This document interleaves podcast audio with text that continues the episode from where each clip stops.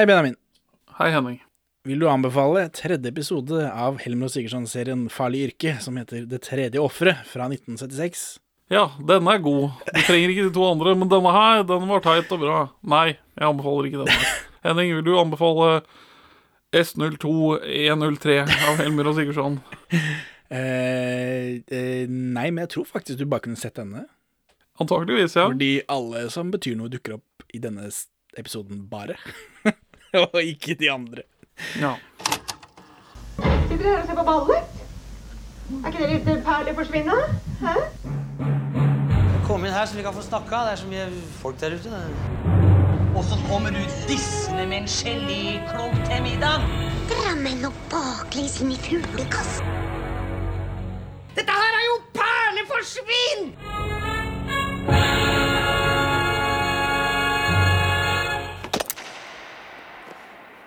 Velkommen til podkasten Perleforsvinn. Podkasten for deg som liker porno. Vi er to middelmådige menn i 30-årene som elsker porno. Mm, porno. Og ser norske filmperler i perler i Perler for svin. Uh, eh, ja, vi ser norske filmperler, i hvert fall. Og nå har vi sett siste episode av Helme Sigurdsson. Oi, oi, oi. Som tiden flyr. Jeg har ikke noe på eh, Jeg ikke noe rundt dette. Det vi har jo alt som er verdt å si før selve episoden, har jeg sagt til de to andre. Har du noen spørsmål angående sånne sånn håndferge? ja, Har du noe på det? Har du noe research på ferga der? Og ferge fra gammelt av betyr flåte tilknyttet tau ja som du vi, bruker til å krysse vann. jeg har kjørt eh, kabelferje. Vi hadde hytte i Sverige et år, og der var det en sånn kabelferje. Men den var mekanisk, da, ikke for hånd, og det var for biler. Å ha hytte i Sverige ett år er en veldig sånn rar mengde å ha hytte. Jeg hadde hytte i Sverige, og så ble det, var det det året det var sånn kjempeflom, så da måtte vi rive gulvet og halve veggen, og så gjorde vi det, og så solgte vi det. Fordi hvis du har hytte, så må du dit hver eneste gang du har ferie. Og det er noe dritt. Ja. Hver eneste Langviken, så må du på hytta. Og det koster typ hvem vet hvor mange hundre tusen. Du får ganske mye sydenferie for mange hundre tusen. Ja. Trikset er å Det var vel det fatter'n kom fram til, så derfor solgte vi den, da. Smart. Ja, trikset er jo å ha en hytte som er, det tar under en time å kjøre til. Ja, hva er poenget, da? Kan bli, like å bli hjemme, da, jo. Og det er sant. For her i bua mi, så er det jo kjempefint. Dette er hytta mi. Helmut Helmer Sigurdsson, da. Jazz-eksen kommer tilbake fra København. Han blir stoppet for å vise billett, og så har han masse taxfree-varer og dritt og liksom tusen bager og sånt noe. Eh, han leter lenge, og så finner han liksom billetten til slutt. Rart. Men det er jo fordi de kjenner han igjen fra Det blir nevnt i en bisetning senere at eh, de vet han er i landet, eller de kjenner han. At han har kommet inn lovlig og liksom riktig tidspunkt og alt mulig dritt. Eh, rart. Men sånn er det. Ja, for når han var i København, så måtte han melde seg til konsulatet eller noe annet. Ja, ambassaden. Ja. For de tok passet hans. Nå, men etter det så begynner den sirkusmusikken, og det tror jeg ikke det er sånn det pleier å være. Jeg tror tror det er den recapen først. Eller det har vært recap før dette, da. Men jeg tror det er recapen, og så rett inn i vignett. Etter at de har vist oss siste scenen en gang til. Ja. Eh, regi Stein Roger Bull. Det navnet kjenner du selvfølgelig. Det er jo han som nappa Olsemannens siste stikk-manuset fra Danmark. ja. Og satte opp hele den filmen i Norge, som vi snakker om i Olsemannens siste stikk-episoden. da. Dobbeltepisoden, del av Olsen Tember. ja. Ja. Wake me when Olsen Tember ends. ja. Eh, så får vi se en sekretær vi ikke har sett før, som sitter og sekretærer. Farlig. Det faller i den filmen her. Serien her. Og så kommer en gubbe, og de flørter. Eller er dette bare vanlige 70-tallsgreier, tenker jeg. Jeg tror man Ja. Men så liksom, øh, du må spille med på det, eller få juling å bli voldtatt. Ja, men, Det er vel men, det jeg gjetter, da. men vi får uh, forklaring på det, for det kommer en yngre fyr også. Og så går han gammelen. Den, når den unge fyren snakker med sekretæren, så kommer det frem da at liksom hun, eh, hun smører litt sånn tykt på med han gamle. At liksom hun, han legger det fram som om hun manipulerer han gamle gubben, og hun eh, sier seg enig i det. Jo mer jeg ser på den unge fyren, så ser jeg at det er Arne Linter Næss. Det er regissøren av alle Orsmann junior-filmer. Ja. Og julekalenderen, for så vidt. Og min Kanskje det første gang jeg husker male on male Intimacy på norsk TV. For han spiller han ene homoen i familiesagaen De syv søstre.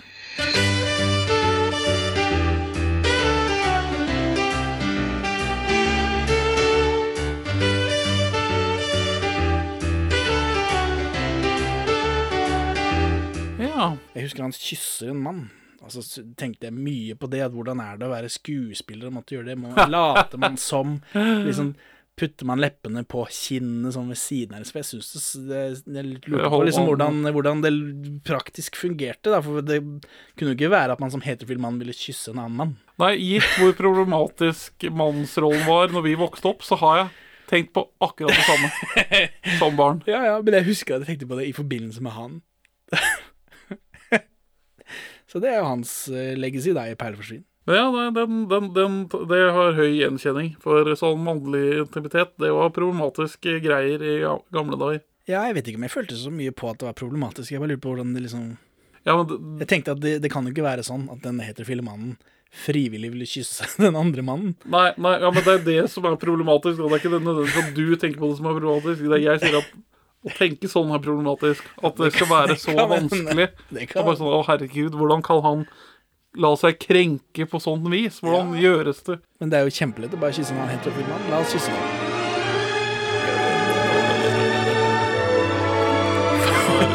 Jeg har kysset veldig mange menn opp igjennom. Ja, det det har jeg vel hørt. Ja. Ryktene går på byen her. Her aldri kysset en annen mann. Aldri. Nei. er du klar? Ut med pikken først. Ja du, ja, du drikker jo ikke alkohol. Ikke Nei, for å shame deg på, på lufta. Det er det. Så du har aldri kysset en annen mann i edru tilstand? Jo det har jeg. Ja, det ser du. ja, men det, det, Det var, hadde varmet opp i fylla først. det var en photoshoot. Men, det, det, men vi, vi lar den ligge. Nei, det går ikke. Det var bare en venninne jeg hadde en gang for 100 millioner år siden som skulle ha et eller annet fotoprosjekt, og så trengte hun to menn som skulle kline, og så var jeg sånn Ja, jeg er, jeg er nå trygg med min maskulinitet. Jeg er nå 17 år og vet hva jeg vil i verden. Det tåler jeg. Poserte du som twink? Ja. Det kan jeg se for meg at du var litt twinkete som 17-åring. Nei, nei, nei, nei, nei, nei, nei, det vil jeg ikke si. Men han My Chemical Romance-hår. Nei, jeg hadde sånn pinlig sånn hoppbakke veldig lenge. Veldig tynne Eller sånn skinny jeans. Veldig skinny jeans. Nei, heller ikke det. Nei, nei. nei. Har du de bildene? Nei, og øh, hun, har, hun har venner slått opp med meg, hun som har tatt bildene. Så øh, du kan kontakte henne og spørre. det skal jeg gjøre. Unnskyld meg, jeg driver en podkast om norsk film. Og de sitter og speider henne. Jeg har vært hos tannlegen i dag. Kan de se noe? Nei, ingenting. Absolutt ingenting. De har meget pene tenner, frøken Valen. Syns de det? Ja. Arne Linternes og Ja. sekretæren snakker om disse sekretærdrapene som det står mye om i avisa. Så påpeker han at ofrene er like sekretæren, de er blonde og deilige, sier han. Og hun sier at hun ikke er blitt utsatt for et lite voldtektsforsøk engang. Det var et sitat. Et lite voldtektsforsøk engang. Ja. Så det er jo bra for henne, da. Eh, og han foreslår at han kan bli den første, som hun ikke reagerer på. eh, så foreslår han at kanskje de kan gå på kino, da. Så han underforstått at så han kan voldta henne litt. Eh, men det vil hun ikke. Og så blir hun ordentlig grinte. Hun vil Og det er fordi hun vil ikke ha noe med han å gjøre, sier hun. Og så refererer Arne til en kamerat hun har på Granca. Og da blir hun griseforbanna. ja. Hun har ikke noe kamera på Granca, og så går hun. Stormer ut. Ikke engang et lite voldtektsforsøk. Er det mulig? Kanskje jeg blir den eh, første? Kan jeg godt tenke meg. Du er i grunnen den typen. Helmer kjøper en avis, og han er forbanna eh, hos Sigurdsson. Altså, han er forbanna, han eneste han kan ta det ut på, Sigurdsson. Det er gjentagende i denne episoden. ja. Helmer skylder på Sommer, journalisten, som eh, vi jo kjenner eh, som mora hans er Sossen Krog, som gir han Kall rostbiff. Alle i byen er livredde, de får masse telefoner fordi han driver og skriver så mye. Liksom, hver gang det er en sekretær som er litt forsinka, så ringer de til politi. Eh, Og så er det denne sekretæren vi så i begynnelsen. Hun reker rundt i byen, og så tar hun en trikk i tre? Spørsmålstegn. Det er trepanel på trikken i gamle dager. ja. Det har vi sett før òg. Det har vi sikkert. Den første trikken i første episode er også en sånn tretrikk.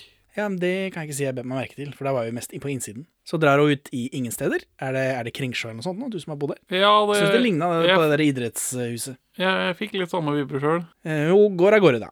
Så er det en gammel dame som kommer til Sigurdsson. Hun har sett Benedicte dagen hun forsvant. Eh, Men Sigurdsson sjekker detaljene i historien, og det stemmer ikke i det hele tatt. Så nok et blindspor. Dette var ikke noe. Bortkasta scene. Helmer er fortsatt forbanna på pressen. Sommer spesielt. Eh, han lar det gå utover Sigurdsson igjen. Sigurdsson slår tilbake, da. Alle jobber med saken. Det er ingen som tar det rolig. Hold kjeft på deg, din gamle gubbe. Det er liksom alle, Dette er topprioritet, det. Det går en seriemorder rundt i byen, liksom. Helmer går ned til avisen for å finne dritt på journalisten Sommer. Acab. Så han får snakka med Tom Tellefsen, da, Helmer. Eh, og dette, denne samtalen utvikler seg til å bli et avhør uten at han egentlig vet om det. Eh, Og han, Helmer presser Tom Tellesen for informasjon, hvis ikke så arresterer han bare alle som han ser der inne. Fordi det er sånn det er å være politi. Her får vi vite at, at Sommer kanskje er impotent. Dun, dun, dun, sier filmen. Dun, dun, dun. Fordi han prøvde seg på en sekretær på et julebord en gang, og det tydeligvis ikke gikk så bra, da. Så, men, men én ereksjonssvikt, Benjamin, er det det samme som å være impotent? Det er jo ikke det. Og man er fortsatt en ekte mann, selv om man ikke alltid får den opp. Ja, Eller ikke får den opp i det hele tatt, da, hvis vi skal være skikkelig inkluderende. ja, sikkert. Det har ikke jeg noe erfaring med. Men en gang iblant så eh, har det jo gått galt opp igjennom. Det er jo ikke, Og noen ganger så står den uten at jeg er interessert også. Ja, den, den, Den den, uh, ber ikke sitt om eget liv. samtykke. Den lever sitt eget liv. Så det er ikke noe å være flau over, alle som hører på. Litt flaut kan det være. Ja, det er litt kleint. Herregud. Jeg lover, det pleier aldri å skje. Altså. Eh, si fra på forhånd. Det er mye enklere. Ja. Veldig kleint når man ikke har sagt fra på forhånd, i hvert fall. Det, eh, eh, det lærer man fort. Altså Si fra på forhånd om at du ikke får den opp. Jeg skjønte ikke helt. Ja, det hender. Ja. Med en ny partner, da. Ja, eller si fra til nye partneren. Det hender. Det har ikke noe med deg For det, det tror de. Når ikke du får den opp. Å, nei, det er min feil. Hæ? det, det, er liksom, det, er jo, det er jo jeg som svikter i gåsetegn her. Det har ikke noe å si hvor mye jeg har lyst. Det hjelper ikke. Det, jeg, det ble jeg overraska over, at det gikk så veldig inn på disse kvinnfolka. Ja, ja det blir veldig dårlig stemning. Ja, for på film så er det liksom Og han får ikke opp Og så, så liksom er det en sånn humor-mobbegreie hvor hun dama liksom kler på seg klærne igjen og er skuffa, mens i virkeligheten så blir de lei seg fordi de ikke, ikke er tiltrekkende nok. Å, er det fordi jeg har så stor nese, rumpe, mage, Ja. øre? De finner på et eller annet da, fordi de tror det er noe gærent med dem. Kjemperart. Helmer Sigurdsson, da. Verdens beste krimserie. ja. Det stemmer jo. Helmer kjører i Volvoen sin og får beskjed av Sigurdsson på radioen at sekretæren vi så i begynnelsen nå, er borte. Da, da, da. Helmer drar til kontoret til sekretæren da, og her tar Arne Linternes han imot. Og Helmer lurer selvfølgelig på om han har knulla henne, for det er liksom det eneste de spør om i, disse, i denne serien. Eh, og nei, han har jo ikke det, da, dessverre. Han har jo veldig lyst. Men han nevner denne fyren på Kanariøyene, kanskje, da. Så går det opp for Arne at mens han snakker, da, at han ikke vet noe som helst om henne. Det virker som de liksom har hatt et sånt vennskapelig flørteforhold, og så går det opp for han mens han snakker at faen, jeg veit jo ingen verdens ting om dette mennesket. Sånn har man det med en del kolleger, har man ikke det? Jo, men, men dette blir lagt fram som om han hadde et nærere forhold da, enn med andre kolleger, kanskje. Man har jo hatt kolleger som man har et nærere forhold med. Altså, for jeg trodde, er dette, å, er det kommentar til noe, tenkte jeg, arbeidslivet, eller hva faen, men det er jo ingenting. Forholdet mellom mann og kvinne når, eh, i arbeidslivet? Nei, ingenting. Blir aldri nevnt. Så får Helmer en telefon på dette kontoret, for det er sånn det var i gamle dager, før mobiltelefoner. Ja. Eh, noen har tilstått, det er full utrykning. Helmer løper som inget annet menneske har løpt før. Wow! Da Jeg lo, jeg lo, jeg måtte spole tilbake tre-fire ganger. Han ser ikke ut. Det er GIF-verdig. Men når jeg kjenner din track record med å lage GIFs, ja. så veit jeg at det blir vanskelig. Her er det ambulanser og biler og politi og alt mulig, men det er bare han fylliken som, som eh, Sigurdsson eh, berga tidlig i sin karriere, som nå det er klikka for, da. Han sier at han har drept alle disse folka. Han står på et tak også. ja det, det, skal, det, skal det være morsomt? Jeg tror det er Comic Relief. Ja. Det er for dette er jo tross alt regissøren av kontorsjef Tangen. ja. Um, og det virker som Helmer, da, med en gang han ser dette, at å ja, ja, det er ikke morderen, liksom. La oss heller dra eh, og fokusere på dette tredje offeret. Helmer Sigurdsson eh, drar av gårde i Volvoen, da.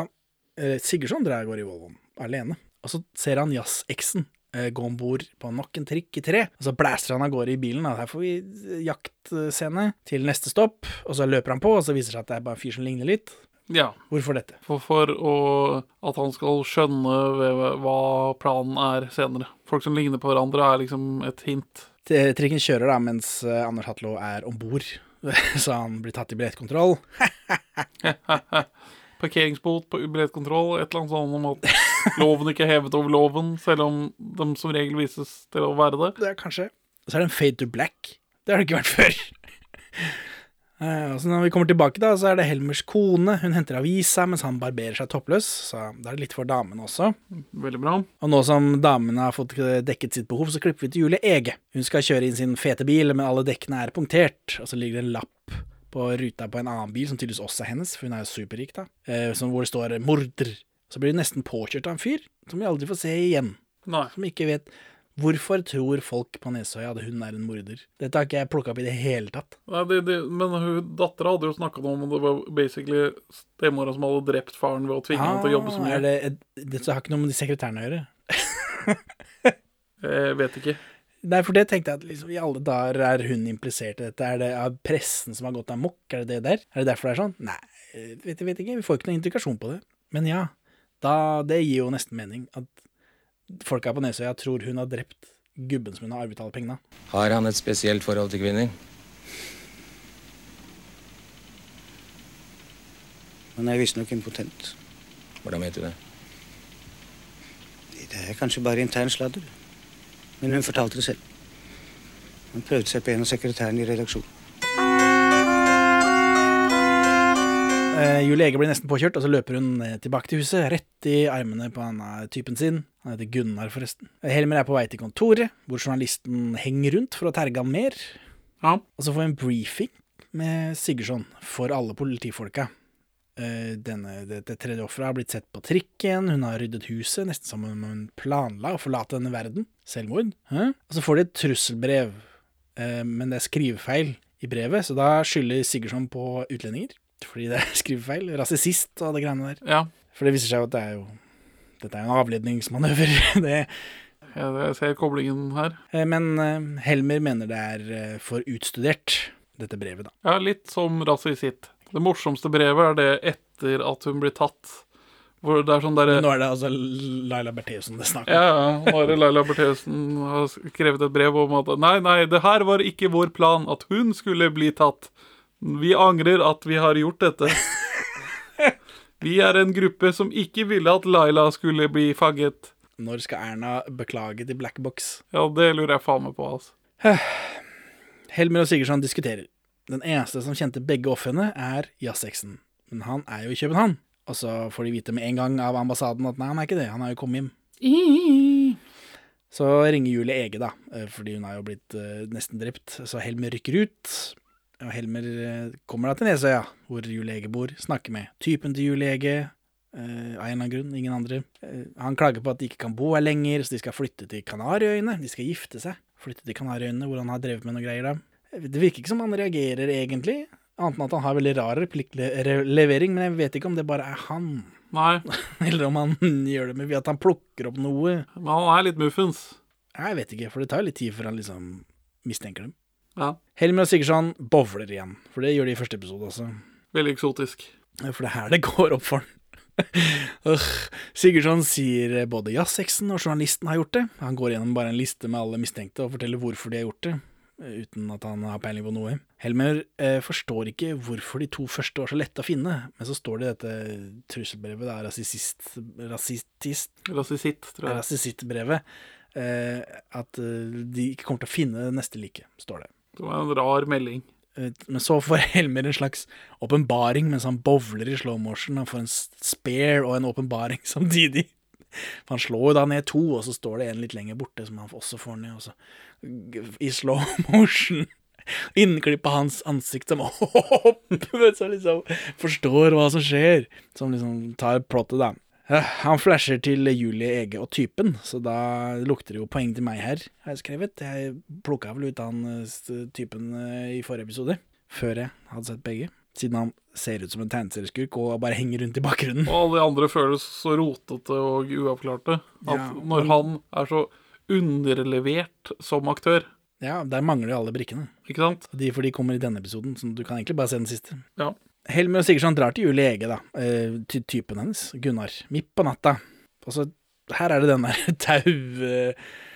tauferja. Kabelferje kalte du det. sånn. Kabelferje, ja. Stemmer. Som var, i, I gamle dager var det bare det som var ferje, tror jeg. Ja, det, altså, Jeg tror i, det ble- I Ringenes herreverden eh, gamle Ja. dager, så var det det. Ja. Før de hadde motor. Eller så padla de kanskje. De hadde sikkert årer også. Nei, for da, der- da tror jeg det var båt. Jeg tror ferje bare okay. var Altså båt øh, kun fra ett sted til et annet, alltid. Og da er jo ledningen er jo det som fører til det, før man får dette ferjesambandet som Ja, ja. motorkonsept. Ja, den øh, for her også, Denne her ferja er også bare åpen på, på sommeren. For i oktober så legger de bro der, Ja, OK. sier de. Så tar Ja. de bort den broa, da. For det er, det er vel ikke noen båter som skal fram og tilbake, antar jeg. Men dette, men dette, den er heller ikke bemanna. Nei, jeg vet ikke.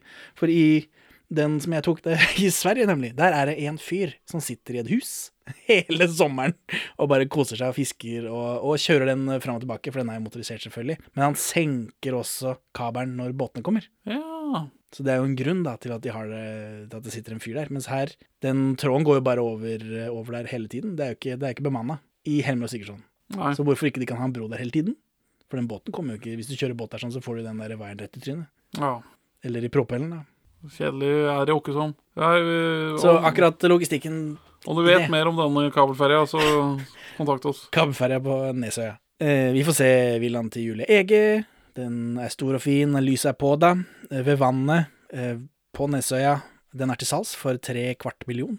Tre millioner og 250 000, sier de. Eller altså tre kvart. Eller er det Eller betyr det 750 000? Jeg tror det betyr 750 000. Det er jo ingen verdens ting. Nei, men du må gange det med seks da, til dagens pengeverdi. Tror jeg. Det er jo heller ingen verdens ting. Nei, for så vidt. For får en villa ved vannet på Nesøya. Jeg vet at penger eh, i 19, 1980-kroner er eh, verdt fem ganger så mye i dag. Vet jeg. Ja, men ikke hus, tror jeg. Jeg tror ikke det du kan ta det over hele fjøla. Nei, det er, det er jo noe forskjellig. Ja, Big Mac-en, kanskje. Ja. Men ikke hus. Uansett, det syns jeg var latterlig billig, her jeg sitter med gjeld opp etter ørene. Helmer og Sigurdsson tar denne lille ferja, ja. Eh, Og med en gang de har gått i land, så blir den dratt tilbake. Dan, dan, dan, så betyr at det kommer noen flere, da. Og Helmer sier at det ikke bør, bør bli sett, for alle kjenner hverandre her. Og så bryter han seg inn ulovlig i huset til Gunnar. Eh, Og her Sigurdsson nevner pensjonist Brochmann, så vi får liksom en shout-out til han. Ja. At han burde gjort dette, han som hadde peiling. Men, så nå er det en ransakelse uten hjemmel. Det er jo bare et innbrudd, er det ikke det? Jo, han kan vel eh, påberope seg en nødverge etterpå. Ja, for de leter etter en kjeller eller sånt, og så finner de til slutt, og så finner de eh, et lik i denne kjelleren som er eh, liksom sementert inn. Men For da må de ringe inn og så si 'Å, jeg hørte et skrik'. Er det det de må si? Er det Ja, sånn er? Sikkert, sikkert noe sånt. Hørte et skrik, så jeg først rota rundt i huset, og så gikk jeg ned i, i boden her etterpå og fant dette. Det er bedre å bli etterforsket av Spesialenheten enn å be om tillatelse, er vel uttrykket. det er det nok. Men her er det stemning, da, i hvert fall. Det er midt på natta. eh, Det er mørkt, det er bare lommelykt og ulovligheter, og så finner de lik og sånn. Det er stemning, plutselig. Og så kommer de ut da etter å ha funnet dette liket, og så ser de villaen til Julie Ege at eh, lyset er slokket. Og da sier Helmer at de legger seg tidlig. Jøss, de legger seg tidlig, liksom. Er ikke dette Det er jo veldig Det er sommeren. Ja, det virker å være klokka tre-fire om natta, på grunn av at det er så mørkt. Ja, men det er jo kliss mørkt, da. Er det, det er ikke så mørkt på sommeren. Nei, nei, du må jo godt over tolv Og så er det tidlig å legge seg. Her er det noen som ikke har fulgt med i, um, på, i plottet. Nei. Plotthull. Pål, din jævel. Ja, for det er han som har skrevet hele dritten. Og så er det Richard Macker, stakkars, da, som har skrevet denne boka. Eh, Helmer beordrer eh, Sigurdsson til å løpe til nærmeste person med, mobil, med telefon, altså ikke mobiltelefon, men nærmeste hus med telefon, eh, og beordre full utrykning og stenge grensene. Hvor ofte skjer det? Øh, Oftere før, tror jeg. Kanskje. Og så nå er det noen i huset til Gunnar, da. Og så går Helmer inn der sånn. Og så er det Så viser det at det er denne sekretæren på begynnelsen av denne episoden. I parykken og klærne til Julie Ege. Hvorfor det? Hva er det hun gjør? Hun har tenkt å rømme landet. Jo, men nå roter hun rundt inne i huset til Gunnar. Hvorfor det? B- Vet ikke. Nei. Eh, Og Gunnar venter på utsida, da, viser det seg. Så Helmer har gått forbi han, og så kommet inn, og så ja, whatever. Hun roter rundt i halvmørket, i hvert fall. Hvorfor det? Gunnar bor jo her, de kan bare skru på lyset. Eh, hun sier hun er Julie Ege først. Julie Ege er fra Sandnes, forresten. Du reagerte på dialekten hennes. Ja. Og hun har jo valfartet, eller fartet rundt omkring i, i verden. London, bodd mye i London, og så videre. Eh, sekretæren sier hun er Julie Ege, men Helmer river av henne parykken og monologer løsningen på serien til Ja. oss som ser på. Det måtte være noe spesielt eh, med dette siste liket, siden ikke du skulle finne det, siden de fant de to andre så lett. Og Gunnar står klar ved ferja, sier hun. Eh, De er klare til å dra. Hun vil ikke være sekretær hele livet, skriker hun. Og så wow, tenker jeg er dette, er dette noe, hvis vi setter det i sammenheng med at de har blitt eh, trakassert hele veien, alle disse Ja. sekretærene? Ikke mm, Det er ikke mer enn dette, i hvert fall. Vi, man må ha en podcast 50 år senere for å sette ting sammen, så kanskje podkasten ikke er så dårlig, er det det? Ja, er det Det det? er bare utførelsen som er ræva? Ja.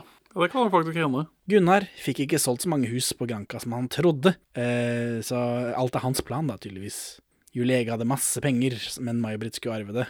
Og så drepte de Benedicte også, så det skulle se ut som en gal seriemorder var på ferde. Ja ja, å lage mest mulig oppmerksomhet rundt sine egne kriminaliteter, det er en Ja, kjempeplan. veldig, veldig bra plan. Sette hele byen i alert. Eh, per Lillos bil er aldri låst, og de kjente han fra før av. Eh, og så sier de ikke noe om det, men det kan jo hende, da, at, eh, som jeg foreslo i forrige film, at eh, de har truffet hverandre på Granka, eller Ja.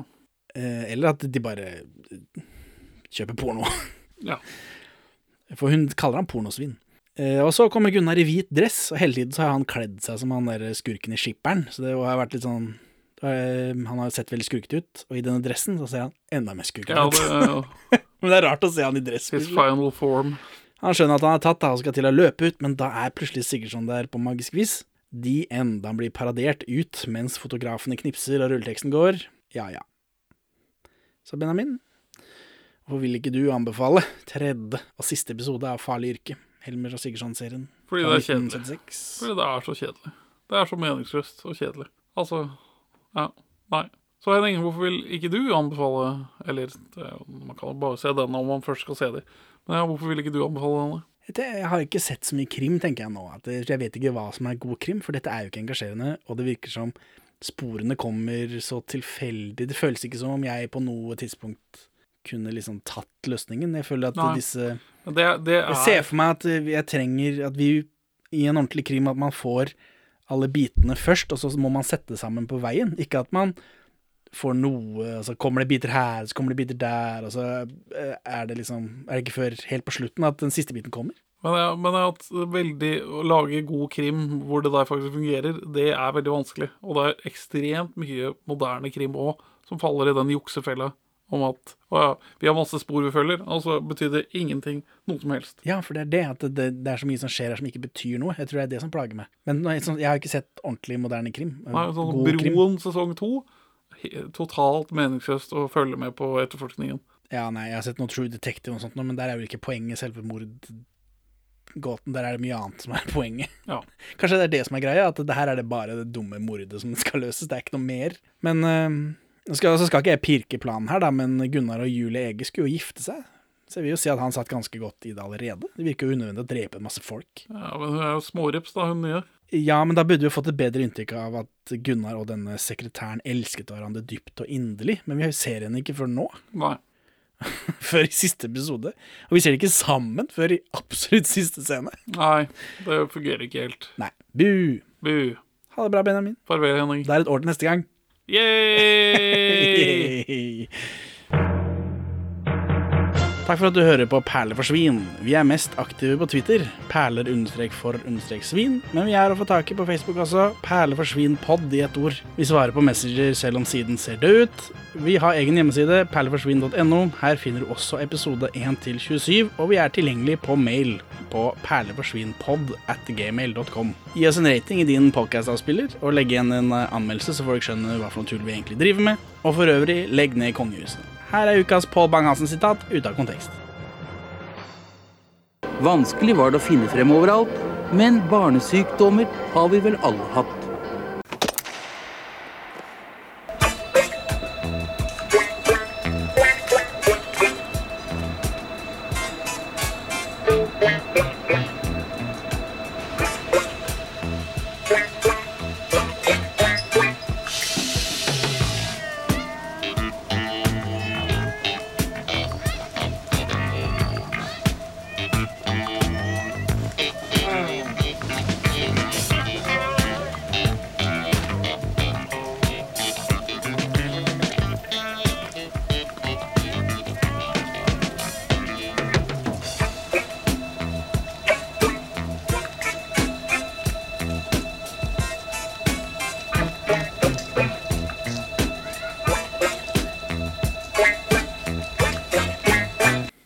Velkommen til Perleforsvinn.